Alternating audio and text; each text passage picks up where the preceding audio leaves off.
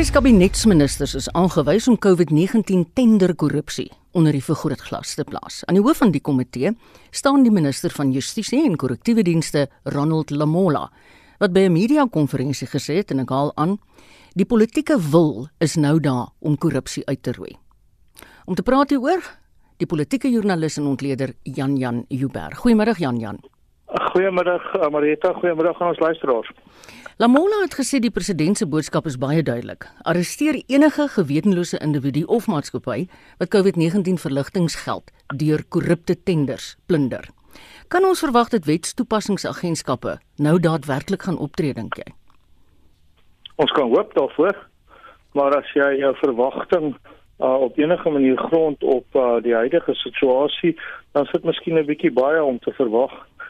Jy weet daar's 'n 'n tamelike bitter grappie wat jy rond te doen Marita en dis 'n raaisel vir jou. Um wie werk die stadigste of wat gebeur die stadigste? Wat maak die stadigste vordering? Is dit verf wat droog word op 'n muur? Is dit 'n slak wat na vorentoe slenter? Is dit miskien gras wat groei of is dit die nasionale vervolgingsgesag wat optree teen korrupte amptenare? Hoorie Jan Jan, Wat presies is die doel van hierdie ministeriële komitee? Want onmiddellik as 'n joernalis het ek gewonder, hoekom nou die president nou nie maar net die wetstoepassingsagentskappe of nog beter, 'n onafhanklike ondersoekspan die werk doen nie? Want dan lyk die slakke miskien nog vinniger. Dis die hele ding. Um kyk, hierdie die doel van hierdie komitee is wat my aanbetref om vir mense te laat dink iets word gedoen wanneer nie veel gedoen word nie. Um die werk van um vervolging by die vervolgingsgesag. Ons verskeiding van magte. Die werk van vervolgers moet nooit gedoen word deur 'n regering nie. Nee. En dit kan nooit gedoen word deur 'n regering nie, want wat is die president wat jy skep? En ek sê daar president met 'n ESE, né? So met ander woorde, mm. wat wat stel jy as 'n basis? Mm. Hoe kan dit ooit aanvaarbaar wees dat die um, regering mense vervolg? En wat is dit wat jy besig is om te vestig? Die regering hou van baie mense nie vreeslik baie nie. Wil jy vir hulle daai mag gee? Nee. So al wat hierdie is, is 'n weerlig afleier. Dit is wat die Engelse mense noem 'n red herring. Ons ja. het nie heeltemal 'n lekker woord daarvoor in Afrikaans nie, maar dit laat mense praat oor ietsie terwyl iets anders nie gebeur nie. En wat hier aan die gang is, is dat die president behoort eerder toe te sien dat die vervolgingsgesag gevul word deur die mense wat die wil het om hierdie tipe mense te vervolg, hierdie mense wat so plunder. Maar wat het ons nou al gesien? Nadat Pieter Louw Meyburg daai uitstekende boek geskrywe het en vervolgingsgesag se werk vir hulle gedoen het soos hulle blykbaar nie wil nie. Waar is hy sme gesjulie? Hy sit elke maandag saam met die president en dan praat hulle oor die dingetjies waaroor hulle praat in die ANC. Maar waarom is hy aan die kant van die tronk deur? Waarom is hy aan die kant van die hof deur? Dit is die vraag. Mm. So, ehm um, ek sou sê dis koue pampoen hierdie ongelukkig. Ek wens dit was nie, maar ek dink dit is. Jy weet Jan Jan, daar's sommige politieke ontleeders wat meen die komitee is eintlik net aangestel om te sorg dat die korrupsie toegesmeer word. Wel as jy iemand soos dokter Nkosazana Dlamini Zuma het, dan um, kan jy nou nie sê dat sy besig is om korrupsie toe te smeer nie want niemand het bewyse daarvan nie. Maar jy het werklik waar nie eintlik enige bewyse dat sy enigsins korrupsie nie toesmeer nie. Um jy weet sy is bitterlik naby daaraan om bitter naby te wees aan vriendskappe met mense wat besig is om geweldig baie geld te maak mm. uit haar tabakverbod. En jy weet sy kan nou maar prewel wat sy wil want dis mos haar toe sy in staat is sy prewel graag. En sy kan nou maar soveel parlementskomitees um nie voor opdaag nie as wat sy wil. En sy kan vir ons presies wys wat sy dink van die demokratiese grondwetlike demokrasie wat ons het. Die vryheid van beweging, die vryheid van assosiasie en die vryheid van keuse. Sê ek as 'n nie-roker, maar ons word nie gefop nie. Ons weet wat sy is. Haar blote teenwoordigheid op daardie komitee. Daar's goeie mense op daardie komitee, maar sy sy doen daai komitee geen eer aan met haar teenwoordigheid nie. Kyk, daar's nou gesê die komitee gaan departemente opdrag gee om alle tenders openbaar te maak. Maar dink jy dit gaan 'n deursigtige proses wees? Ag man, dis mos nou maklik om te doen. Die Weskaap het klaar. een plek waar daai komitee geen verteenwoordiging het nie. Een plek waar daai komitee se party nie aan bewind is nie. Weskaap het dit klaar gedoen. Wat hou die ander terug? Oneerlikheid hou hulle terug. Ons weet dit mos. Hoekom anders? Of anders dan net patetiese onvermoë om te regeer. Waarom kan die Noord-Kaap nie hulle lys bekend maak nie? Waarom wil die Vrystaat nie hulle lys bekend maak nie? Hulle stuur 'n lysie in van 17 Julie wat in eerste plek onwaarskynlik is en in die tweede plek oud. En wat van die nasionaal? Groot woorde word gespreek, waarom word dit nie gedoen nie? Ek wil jou vra, die Gautengse premier David Makura het nou vanoggend aangekondig, twee amptenare is deur die spesiale ondersoekeenheid uitgewys oor COVID-19 korrupsie. Kan 'n mens dit interpreteer as dat dit 'n streng waarskuwing is aan ander kansvatters? Mens kan so hoop weer eens. Mens kan so hoop. Maar ehm um, ongelukkig is daar geen aanduiding daarvan nie. Want ehm um, dit is dis te min te laat. Meneer Makura sit met sy eie LER vir gesondheid. Nou lees, gesondheid. Dr. Bandile Masuku wat self onder soveel verdekking is dat selfs die ANC vir my sy pos laat verwyder maar wie kla hom aan? Niemand nie. Hmm. So, um, ek sou nie asem ophou nie. Ou gaan blou in die gesig raak en jou brein gaan te min suurstof kry en jy gaan nie vermoë verloor om te dink maar asem ophou kan jy asem ophou. Ek sal sê sien is glo hmm. en dan sien ons maar niks joh. Nou daar was destyds skerp kritiek teen die destydse ontbinding van die skerpioene omdat daar glo politiekery betrokke was. Nou is daar weer fluisteringe dat die skerpioene kan herleef. Wat dink jy daarvan? Nou, um aan die een kant was daar nie spekulasie oor politiekery nie, daar was politiekery. Daar was 'n politieke besluit in 2007 by die ANC kongres in Polokwane wat ek bygewoon het om die skerpioene te ontbind. Hoekom? want hulle teiken tog te veel ANC mense. Dis nie die teiken wat die probleem is nie. Jy weet mevrou Helen Suzman het 'n slag vir Jimmy Creer gesê. Ehm um, Jimmy Creer was kwaad vir haar gewees in die parlement want sy het so baie vrae gevra oor Steve Biko en sy dood op die 12de September 1977 in aanhouding. Toe sê Jimmy Creer vir haar terwyl sy aanhou vra en vra en vra. Jou vraag stel die land in die verleentheid. En sy het vir hom gesê dis nie my vrae wat die land in die verleentheid stel nie dis jou antwoorde daarop. Nou dis nie die vrae wat oor die ANC gevra word wat um die land in die verleentheid stel nie. Dis die ANC se antwoorde daarop en hulle gebrek aan antwoorde daarop. En ongelukkig is hierdie komitee nie die antwoorde op nie Jan Jan, ehm um, aanvanklik met die hele inperking was die president se aansien baie gunstig mm. by die publiek. Wat is op die oomblikke situasie want ons praat nou aan dat dit al hoe meer agteruit boer. Ja, nee, verseker, dit word op elke manier bewys insluitende deur baie goeie navorsing van Ipsos in daai verband en jy kan met Marie Harris daaroor gesels om die waarheid te sê. Um daar is geen met Marie gesels daaroor. So dis nie net spekulasie nie, dit word in die feite aangetoon. En dit is naamlik dat die president so aansien aan die agteruitgang is. Nou wil ek dit sê dit was altyd te verwagte want heeltemal reg het hy en sy baie bekwame minister van gesondheid Dr. Willem Kies gesê by die begin van hierdie stryd teen die koronavirus en by die begin van die inperking wat weliswaar aan die begin geregverdig was maar toe nou heeltemal te lank aangehou het en besig is om die ekonomie op te eet. Um toe het die minister en die president gesê hier is 'n oorlog. Nou enige iemand wat sy geskiedenis ken, weet wêreldwyd dat as 'n regering in oorlog tyd aanbewind is, dan begin dit as 'n baie baie gewilde regering en 'n gewilde premier en al daai.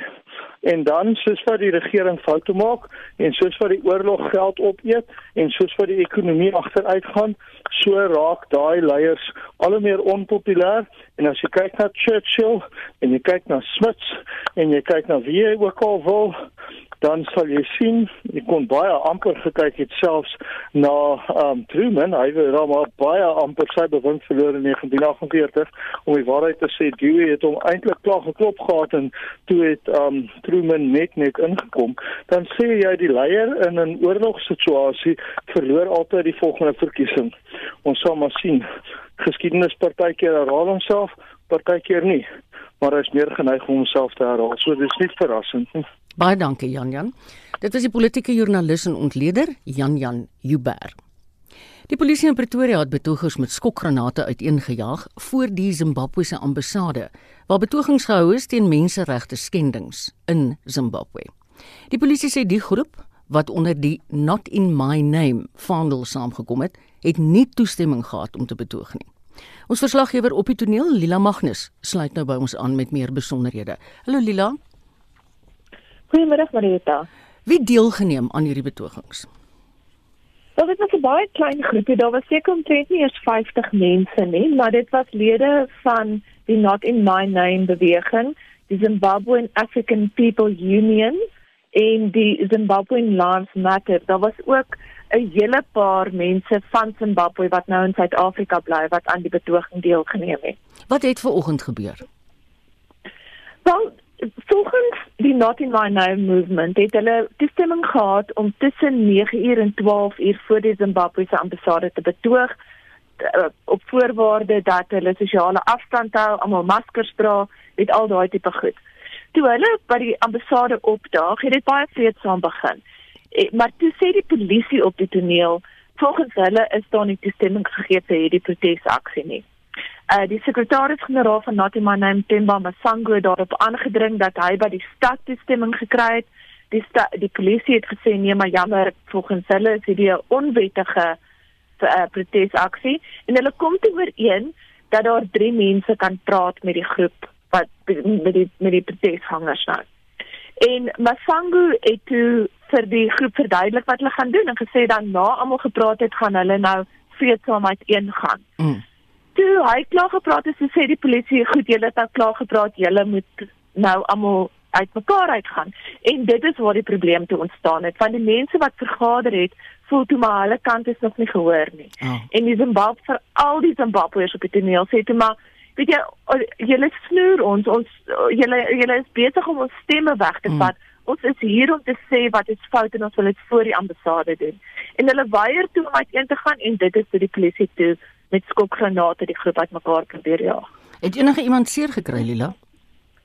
Nee, niemand het seer gekry nie. Ehm um, hulle het net in die straat afbeweeg ehm um, waar die polisie nog 'n paar keer skokgranate gegooi het, maar hulle het toe nou later heeltemal almal ingegaan.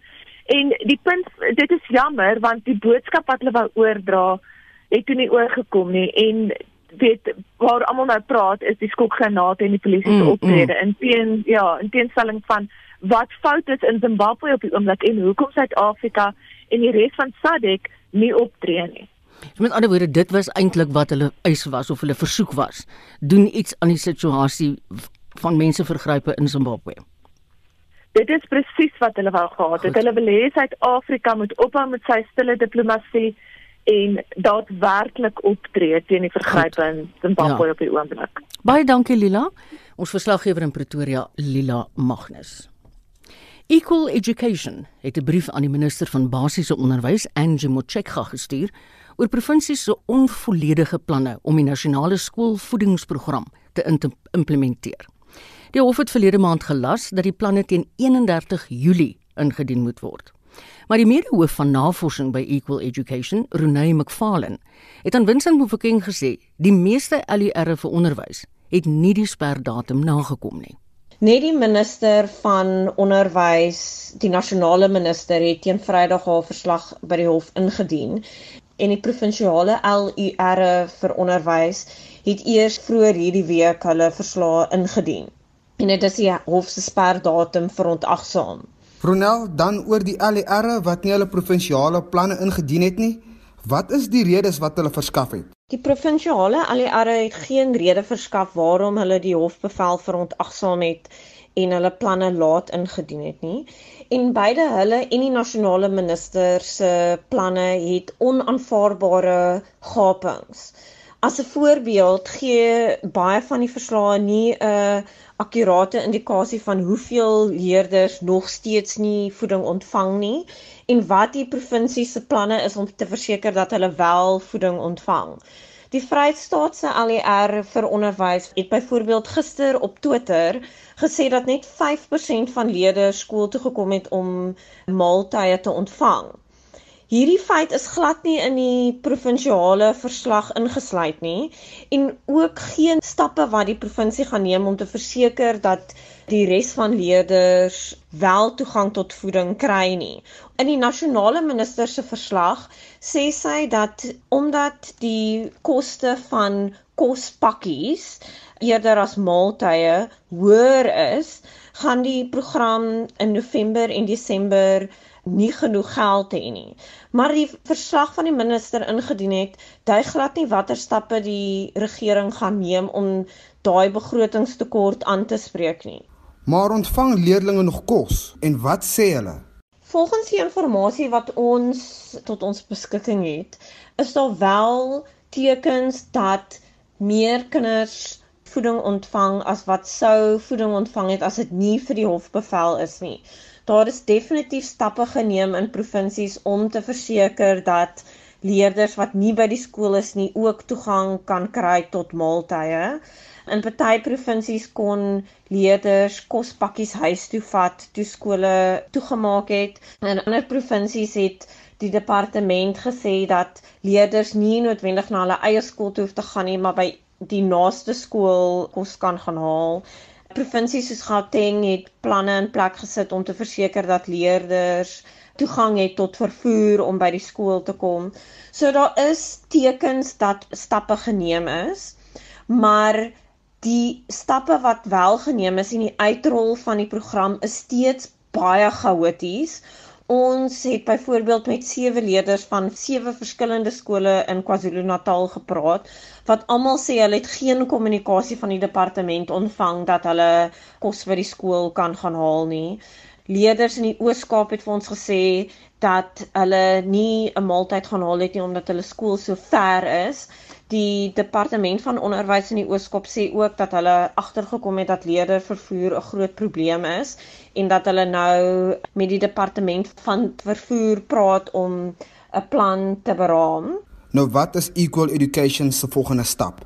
Equal Education, die Equal Education Law Center in section 27 het almal saam briewe aan elke provinsie en aan die minister geskryf om 'n analise van hulle planne te verskaf en tekortkominge uit te wys.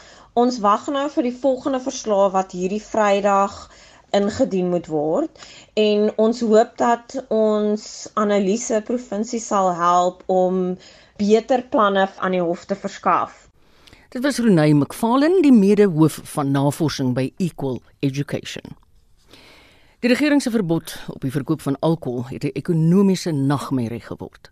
So sê die landbouorganisasie Agri SA.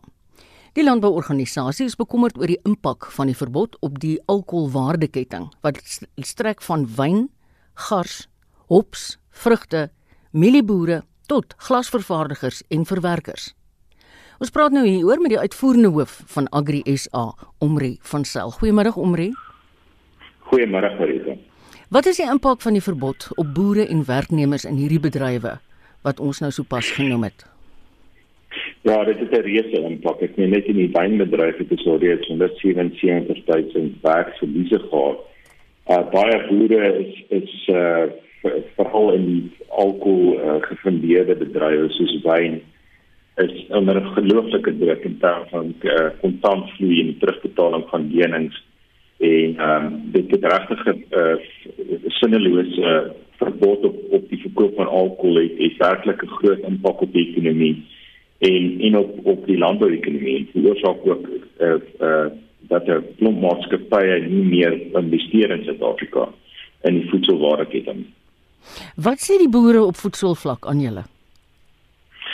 Ja, die ouens is um, is is baie onseker en en ek dink baie gefrustreerd want ehm um, want want die moet onthou dat hulle hulle moet voorberei vir die volgende seisoen ook. Ja. En uh, as gevolg van hierdie opeenhoping so voorop nou omdat SAB nie ehm um, gas kan verkoop nie, is daar 'n opeenhoping van gas mm. in in in in die die store. Jy weet so so die volgende seisoen se verkoop is ook onder druk en ehm um, en dieselfde geld vir wyn en en ook van die van die produsente van vrugte wat byvoorbeeld deur bestel geproseseer word. Mm. So dit is 'n dit is 'n wesenlike impak op die hele waardeketting en dan ook natuurlik kommerwekkend is die is die impak wat dit het op op beleggings in Suid-Afrika wat ons brood nodig het om ons ekonomie te uh, weet te stabiliseer en vooruit te vat.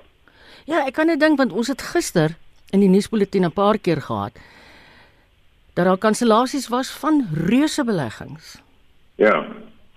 Ja, ek meen die die wat van ek weet is is op hier wat 'n 5 miljard se belegging het eh uh, gestop het. Mm.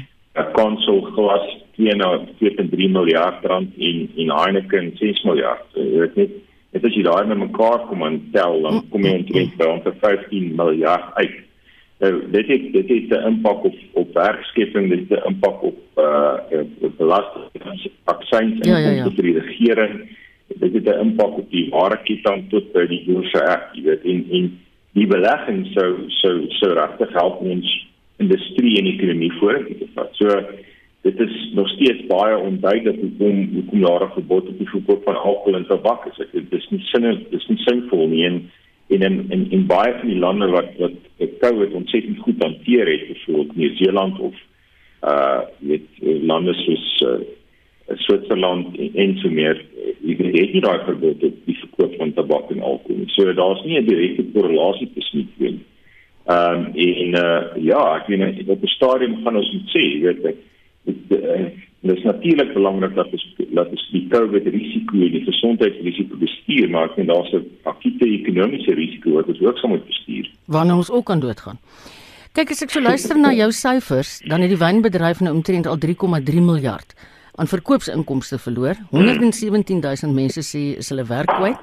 As jy nou na al hierdie goeters luister, dink jy die regering het die gevolge opgeweeg toe hierdie besluit geneem is? Nee, ek dink nie so nie. Ek dink dat nie so nie. Ek ek dink die regering dink dalk dat die ehm um, dalk dat die lenings sal in die interim uh help om die die gat te maak wat wat veroorsaak is as gevolg van die gebrek aan ekonomiese aktiwiteit Uh maar daai geld van een terug moet betaal word op 'n stadium en twee die die volgende golf van van van ekonomiese aktiwiteit gaan volgende jaar die gat oorsak. Mm. Nee, dit dit is gaan 'n baie 'n baie groter en dieper probleem raak. Ehm uh, waar ons ekonomie alreeds in 'n depressie is. Uh jy die ekonomie is afgegradeer of Suid-Afrika is afgegradeer na junk status toe in die landbank ook. Mm. So jy weet as jy net kyk na al daai ekonomiese faktore, dit is werklik waar die groot probleme kom nog en en, en ja. ons ons ja. gaan baie baie jy weet akkuraat en strategies uh slim met met met met uh met optree om die ekonomie weer op sy op sy ja. voete te kry. Hoorie om net so 'n vinnige laaste vraagie, jy maar net kort mm. kan antwoord. Wat dink jy is die impak van die onwettige handel van alkohol en tabak? Op die oomblik? Wel, om net te begin, daar is natuurlik 'n kwaliteitsprobleem van baie van die alkohol wat in wettig verhandel word in mm. tabak. Dit is just nie substandaard produkte. Mm. Uh die tweede ding is dit bevat markspasie vir legitieme belastingbetalende ja. entiteite.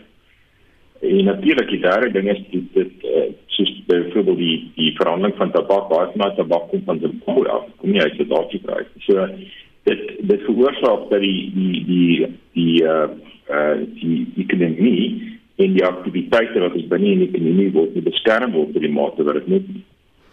Baie dankie. Baie dankie. Dis nie goeie nuus nie, maar soos jy reg sê, dink ek eintlik 'n probleme kom nog. Ons het gepraat met die uitvoerende hoof van Agri SA, Omri van Sail. Jy luister na Spectrum elke weekmiddag tussen 1 en 2. Vroeger in die program, betogers teen menseregte skendings in Zimbabwe staan koppe met die polisie in Pretoria. Once they had to comment about George Floyd who lives oceans away. Yeah. Why are they quiet about our own people that are being murdered yeah. every day and killed in Zimbabwe? Die landbouorganisasie Agri SA sê die drankverbod word 'n ekonomiese nagmerrie. En later in die program hoor ons hoekom die reuk van mannetjies of manlike muskiete kan help om malaria te bestry. En die Silverskermfees word vanjaar virtueel aangebied. Daar het 'n lig aangegaan wat ons besef het, ons het eintlik nou die potensiaal om ons filmmakers in gesprek te sit met baie meer internasionale feeste en rolspelers. Bly gerus ingeskakel by Spectrum.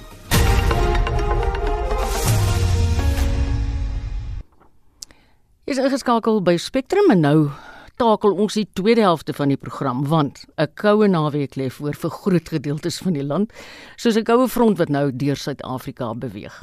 Vir meer inligting hieroor, sluit die weervoorspeller Venetia Paluka nou by ons aan. Sy gaan antwoord in Engels. Goeiemôre, Felicia. Middag mevrou Gende. Daar verras jy my, né? Hoorie Felicia, watter gebiede in die land gaan nou hierdie koue front kry? OK, ehm um, die front ons verwag die koue front uh op Sondag wat ons nou uh uh uh ervaring is meer die hoë druk. Die hoë druk dit bring koue lug oor Mpumalanga, Limpopo en Gauteng. Maar die koue front ons ver, ons verwag dit meer op Sondag oor Weskaap en Ooskaap. Die twee provinsies gaan meer uh, koue uh, wees op Sondag. En hoe lank gaan hierdie koue front met ons bly, Venetia? Ons verwag dat meer op Sondag op op uh Weskaap en Ooskaap, dan gaan dit uh oos beweeg, dan gaan dit uh oor uh uh KZN uh beweeg, dan is dit uh uit die land af. So ons verwag dat dit bietjie kouer weer wees op Sondag oor Weskaap en Ooskaap, dan gaan dit Maandag uh, koud wees oor uh, KZN en dan gaan die temperatuur uh, beter wees um die hele land. Goed. Verwag julle enigstens reën saam met die koue front? Ja, ons verwag reën, maar net vir die Weskaap. So ons verwag reën uh môre Saterdag vir die Weskaap en dan ook oor ehm um, uh, môre is Saterdag dan Sondag ons verwag reën weer oor uh, oor die Weskaap, net oor die Weskaap. Siyabonga sissie. Dit was Venetia Pakula wat ons so mooi in Afrikaans geantwoord het nadat ek amptelik sê sy gaan Engels praat. Ons waardeer dit en ons trek ons warm aan. Die Zondo-kommissie na staatskaping het vandag weer getuienis aangehoor oor die Vrystaatse provinsiale regering se onregmatige toekenning van 'n asbestender. Die kontrak wat aan 'n maatskappy met die naam Blackhead Consulting toegeken is om asbes in regeringswonings te evalueer en te verwyder, was 255 miljoen rand werd. Ons praat nou met ons verslaggewer wat die verrigtinge bywoon, Busi Chimombe. Good afternoon Busi. Yes, good afternoon, Marietta. Are you still standing? Barely, Marietta, yeah. but we soldier on. I must say, this is a very, very long hearing now. The Zondo Commission heard this week that this contract had originated in Gauteng, but the Free State government had been, and I quote, allowed to participate in it, as it was lawful according to procurement regulations. But the bidding process was questionable, wasn't it? Yes, the bidding process was questionable, but also initially it was supposed to be a transfer, as in when you do the transfer legally, what you do is that the terms and conditions and the people that you use, for instance, in Gauteng, are exactly the same sort of people that you're supposed to use in the other province, in the Free State. You're also supposed to use the same rates. So basically, it's exactly the same contract that has been transposed and taken to another province. Now, besides the, the, the lack of, of, of, of, uh, of, of uh, open tender, this actually didn't happen in the Free State case. In fact, at the time it was transferred to the Free State, the one in Gauteng, uh, the contracts that existed had actually expired. So there was actually no contracts to transfer.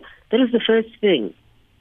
So mm. there hmm. was the, the, the no, no lack of, of, of bidding and Actually, the only reason why it actually got onto the books of the Free State was not because the Free State government actually saw a need for it. What happened is that the two uh, men who eventually uh, uh, got the JV to actually do it, the joint venture, mm. actually met in in Welcome some, uh, somewhere, had a conversation about uh, this this uh, this this sort of project that was happening in Gauteng, and basically, of their own volition, then went and put a oh. proposal to the Free State government, and there was no budget in the Free State for that at the time. A director of the ORI group, Abel Manyike, took the stand this morning. Why did he testify? Okay, so Ori, as they as they they they they, they pronounce it, he was one of the subcontractors. So we had the JV that was between Blackhead Consulting and Diamond Hill. They then sub- subcontracted to a company called Master Trade, who then contracted to Ori. Now, in terms of the evidence that's coming in, Ori actually did all the work. It covered all the work, it covered all Mm. the expenses. And of the 22, uh, 233 million that was actually paid uh, to uh, for the project, they actually got 21 million. Actually, he didn't actually get 21 million.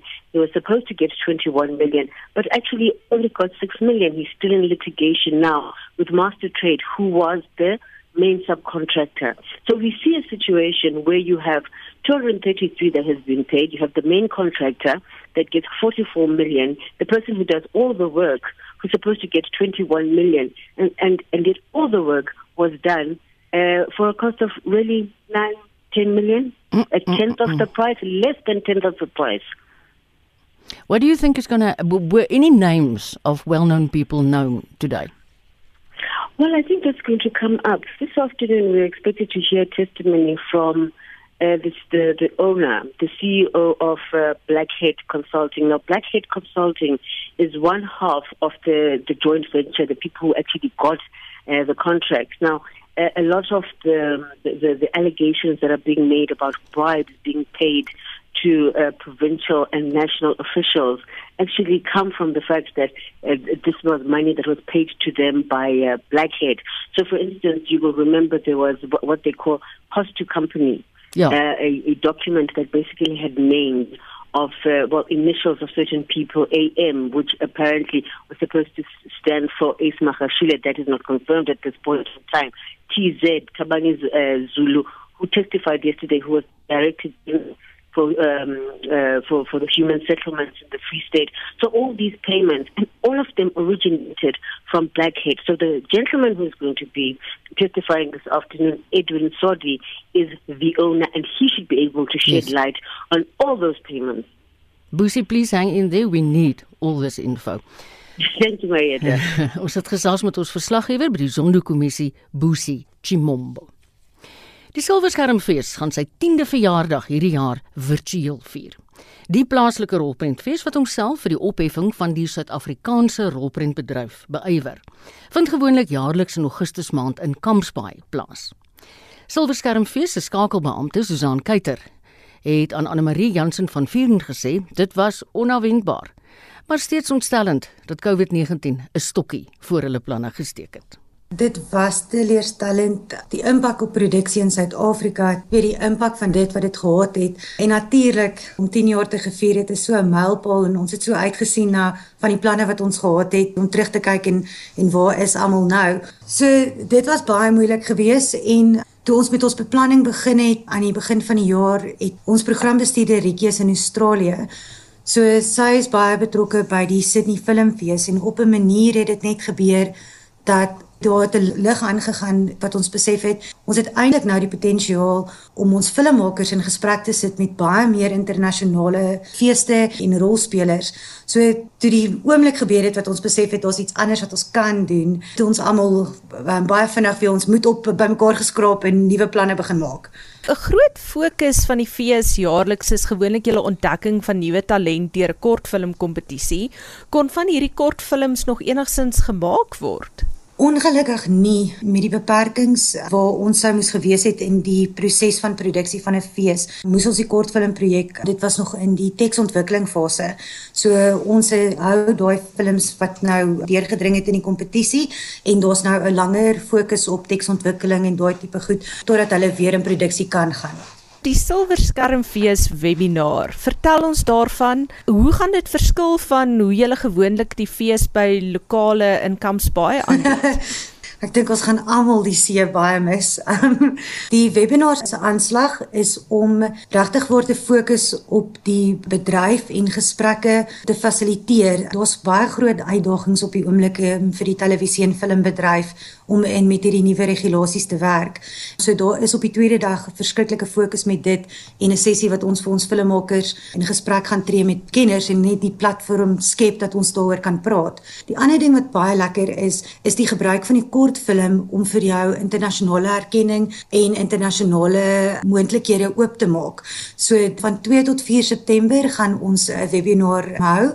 Dan het ons fantastiese sprekers van reg oor die wêreld Ons het mense van South by Southwest, Berlyn, die Sydney Filmfees, die Britse Filmraad en dan Fremantle Media in Australië wat almal verskillende insette gaan lewer. Ons het ook 'n spesiale ding wat ons Woensdag gaan loods waar mense voorstelle kan instuur en hulle gaan met een van ons internasionale kenners werk om dit te kry tot by 'n voorlegging waar hulle die idee aan 'n paneel op die laaste dag van die webinar kan voorlê en dan gaan ons 'n suksesvolle voorlegging kies. Een ding, soos die skakelbeampte van die Silverskermfees Susan Kuyter. Ja, so sou ek reg sê, dit is teleurstellend as mense dit nie meer kan doen nie, maar soveel ander feeste moes vanjaar ook aangepas word. Ek dink dit het ons almal heeltemal anders leer dink. Nou 'n storie van 'n heel ander aard. Die reuk van mannetjies muskiete onthul hoe die insekte voorplant. Wetenskaplikes van vier tersiêre en navorsingsinstansies hier en internasionaal het koppe bymekaar gesit en kon die eerste keer ooit identifiseer hoe spesifieke feromone mannetjie muskiete se paringsrituele beïnvloed. Die bevindinge kan help om die voorkoms van malaria te laat afneem. Ons gesels nou met 'n mede-direkteur by Wits se Navorsingsinstituut vir Malaria, professor Lizet Kokemoer. Hallo Lizet. Goeiemôre. Wêreldwyd word meer as 228 miljoen mense jaarliks deur malaria geraak en sowat 400 000 van hulle sterf. Met ander woorde, julle bevinding is baie goeie nuus. Vertel ons meer. Ja, kyk, ons raak baie opgewonde. Jy moet my maar stop want as ek eers oor muskiete praat, dan dan raak ek weggevoer.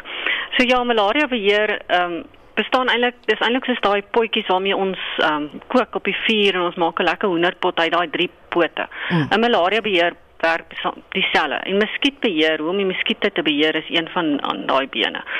Ehm um, so bednette ken ons almal hulle ehm um, is baie gewild in Afrika en natuurlik die insekdoders wat hulle op gereguleerde wyse in ons in die huise aanbied. Dis ook een van die metodes. Hmm. Maar hierdie metodes is nie vir ons goed genoeg of ehm um, hulle is nie ehm um, bereid om is verkeerde woord maar anyway.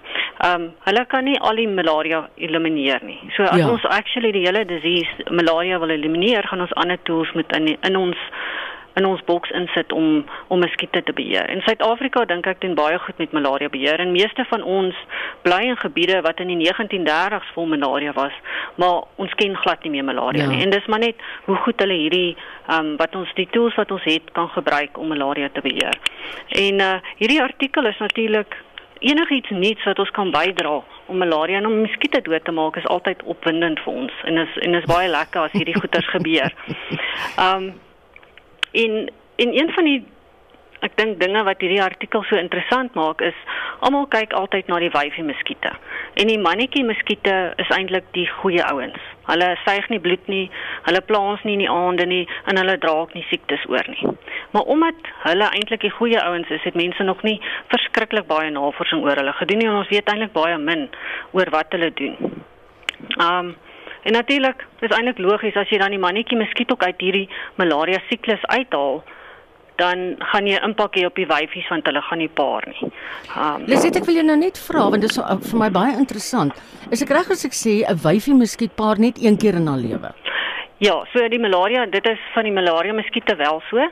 So sy paar net een keer en dan kan sy omtrent elke derde dag lê sy so tussen 60 tot 300 eiers. Jo. So dan as jy daai paring kan stop, dan gaan jy eintlik 'n uh, 'n groot impak hê oor om om die muskietpopulasie te verminder en dit is wat so interessant is. Dis ongelooflik. Hoe gaan hierdie bevindinge wat julle nou gemaak het of gekry het bydra tot die verminderde voorkoms van malaria? So hierdie is maar net vir ons een van die stepping stones of een van die trappies waarna mm. ons verder gaan. Maar wat mens kan gebruik is jy kan hierdie ehm um, die ouders, hierdie komponente wat wat nou geïsoleer is, kan jy gebruik om amper 'n uh, 'n trekpleister te maak. So jy trek die wyfie muskiete soontoe en dan kan hulle daar beheer word. Ons kan ook hierdie muskiete gebruik om in Suid-Afrika is daar 'n projek wat ons um die muskiete, die mannetjie muskiete is dan steriel. So hulle gaan uit en hulle paar met die wyfie muskiete. En hulle kan dan dan kan die wyfies natuurlik nou nie um mm. eiers lê nie. En wat jy kan doen is om hierdie hormone gebruik om daai um steriele muskiete amper meer seksie en meer aantreklik te maak vir die wyfies wat daar buite in die in die natuur is. So hulle hulle hoop ons gaan na hulle toe gaan en eerder met daai steriele mannetjies paar as wat hulle met die ander wille mannetjies um paar. Ai, dis so dit is amper die die waant ons op pad is. Ek is so bly daar's mense soos julle Lizet. Baie dankie vir hierdie interessante gesprek. Lizet Kokemoer is hoogleraar en 'n mede-direkteur by Witse Navorsingsinstituut vir Malaria. Die voorgestelde arbeidsgelykheidswetgewing is in die Staatskoerant gepubliseer vir openbare kommentaar. Die wet is opgestel na 'n verslag deur die Kommissie van Gelyke Indiensneming wat getoon het dat daar steeds groot ongelykhede in die werksplek bestaan, veral in maatskappye se topstruktuur. 'n Arbeidsake prokureur van Webber Wentzel, Shane Johnson, sê deur die wetgewing beoog die regering groter diversiteit in die werksplek. The Employment Equity Amendment Bill has actually been a piece of legislation in the pipeline for quite some time, almost two years. It was originally tabled for public comment back in 2018. It is, of course, still a bill and it has not been passed into law yet. It is still going to be introduced in the National Assembly and then it needs to be assented to by the President before it actually becomes law. So we still have some time before we can see this piece of legislation as actual law. There's actually quite a few different elements and key provisions of the Employment Equity Amendment Bill which I think employers need to be aware of. But I think that the main rationale behind it is really based on the Commission for Employment Equity's last annual report, which basically reports on the state of employment equity in our workplaces. And that report has noticed that there has been some progress to employment equity in making our workplaces more diverse and representative, but unfortunately that progress has not been substantial enough.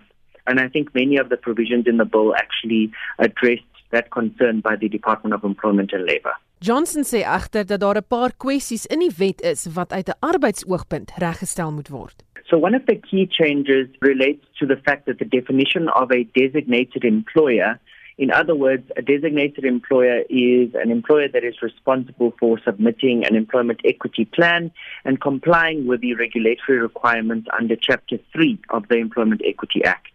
That definition has been amended, and now well, currently employers who employ over 50 employees and, uh, well, generate a certain turnover are responsible for complying with that section of the Act. But under the Employment Equity Amendment Act, that definition has been amended and those employers are now excluded. So if you are an employer with less than 50 employees, you will no longer need to comply with Chapter 3 of the, Employment Equity Act.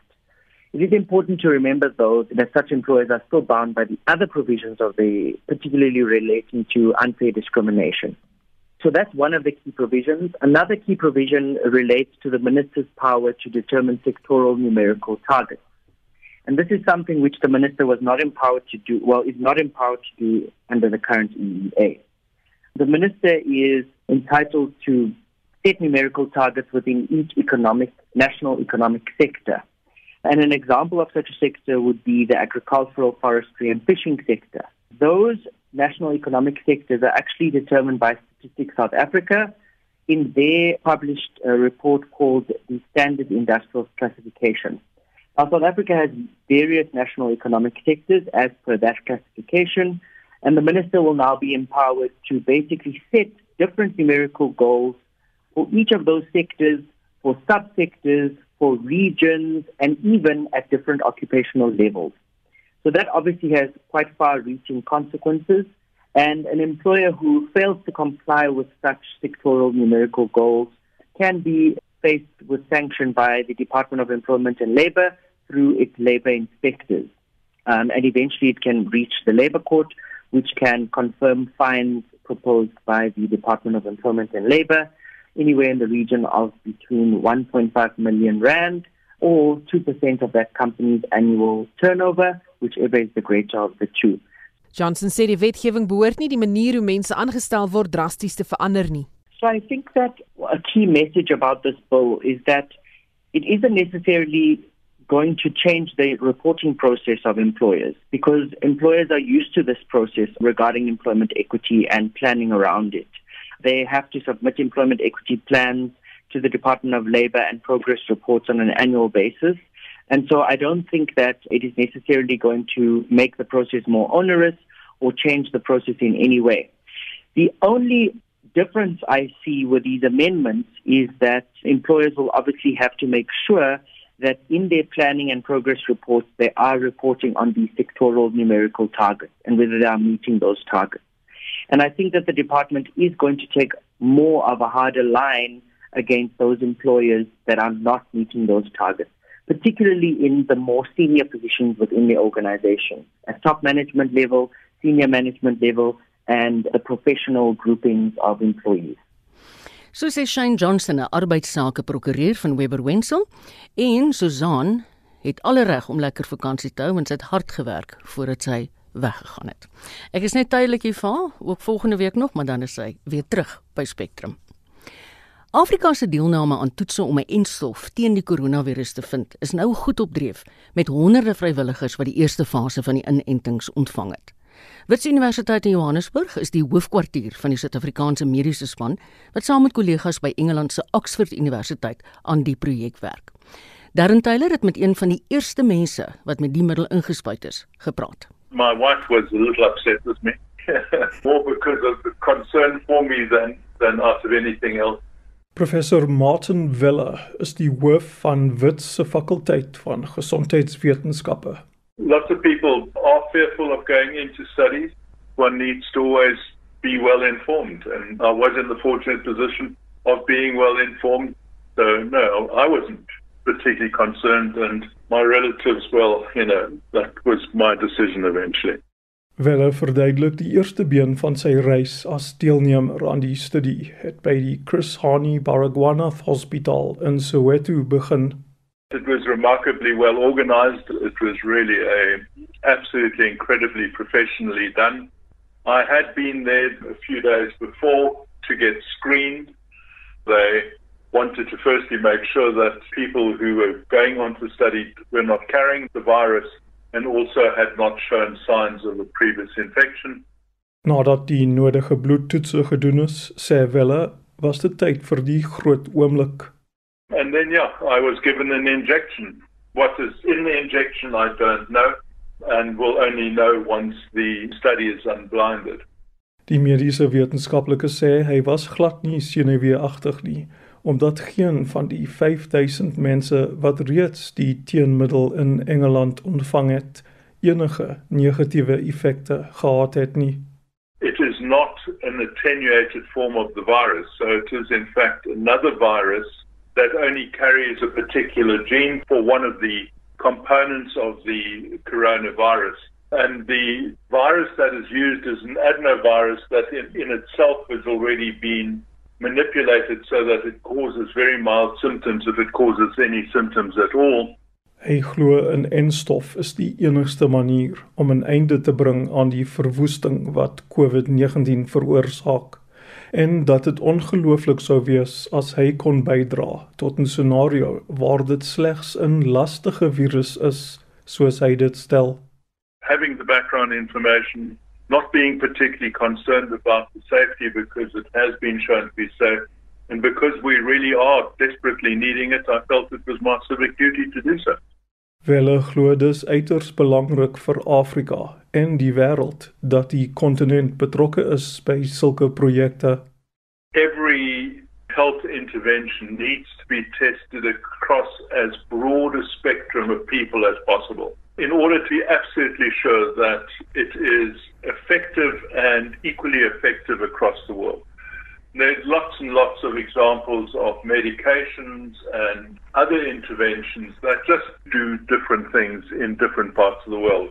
Hy is oortuig dat Suid-Afrika se deelname gaan help om te verseker dat die vasteland toegang kry tot die enstof wanneer dit uiteindelik beskikbaar is. To a large degree, I think that there's a moral obligation on the part of the manufacturers and the suppliers of these agents to ensure that if these have been studied in particular populations, that they also make them available to those populations. Wel sê die wêreld se groot farmaseutiese maatskappye ignoreer dikwels vir die Afrika kontinent omdat hulle nie groot winste hier kan maak nie. Hy hoop Suid-Afrika se teenwoordigheid in die soektog na 'n inenting gaan hierdie situasie verander en help dat miljoene lewens op die kontinent gespaar word. Ek is Darren Taylor in Johannesburg.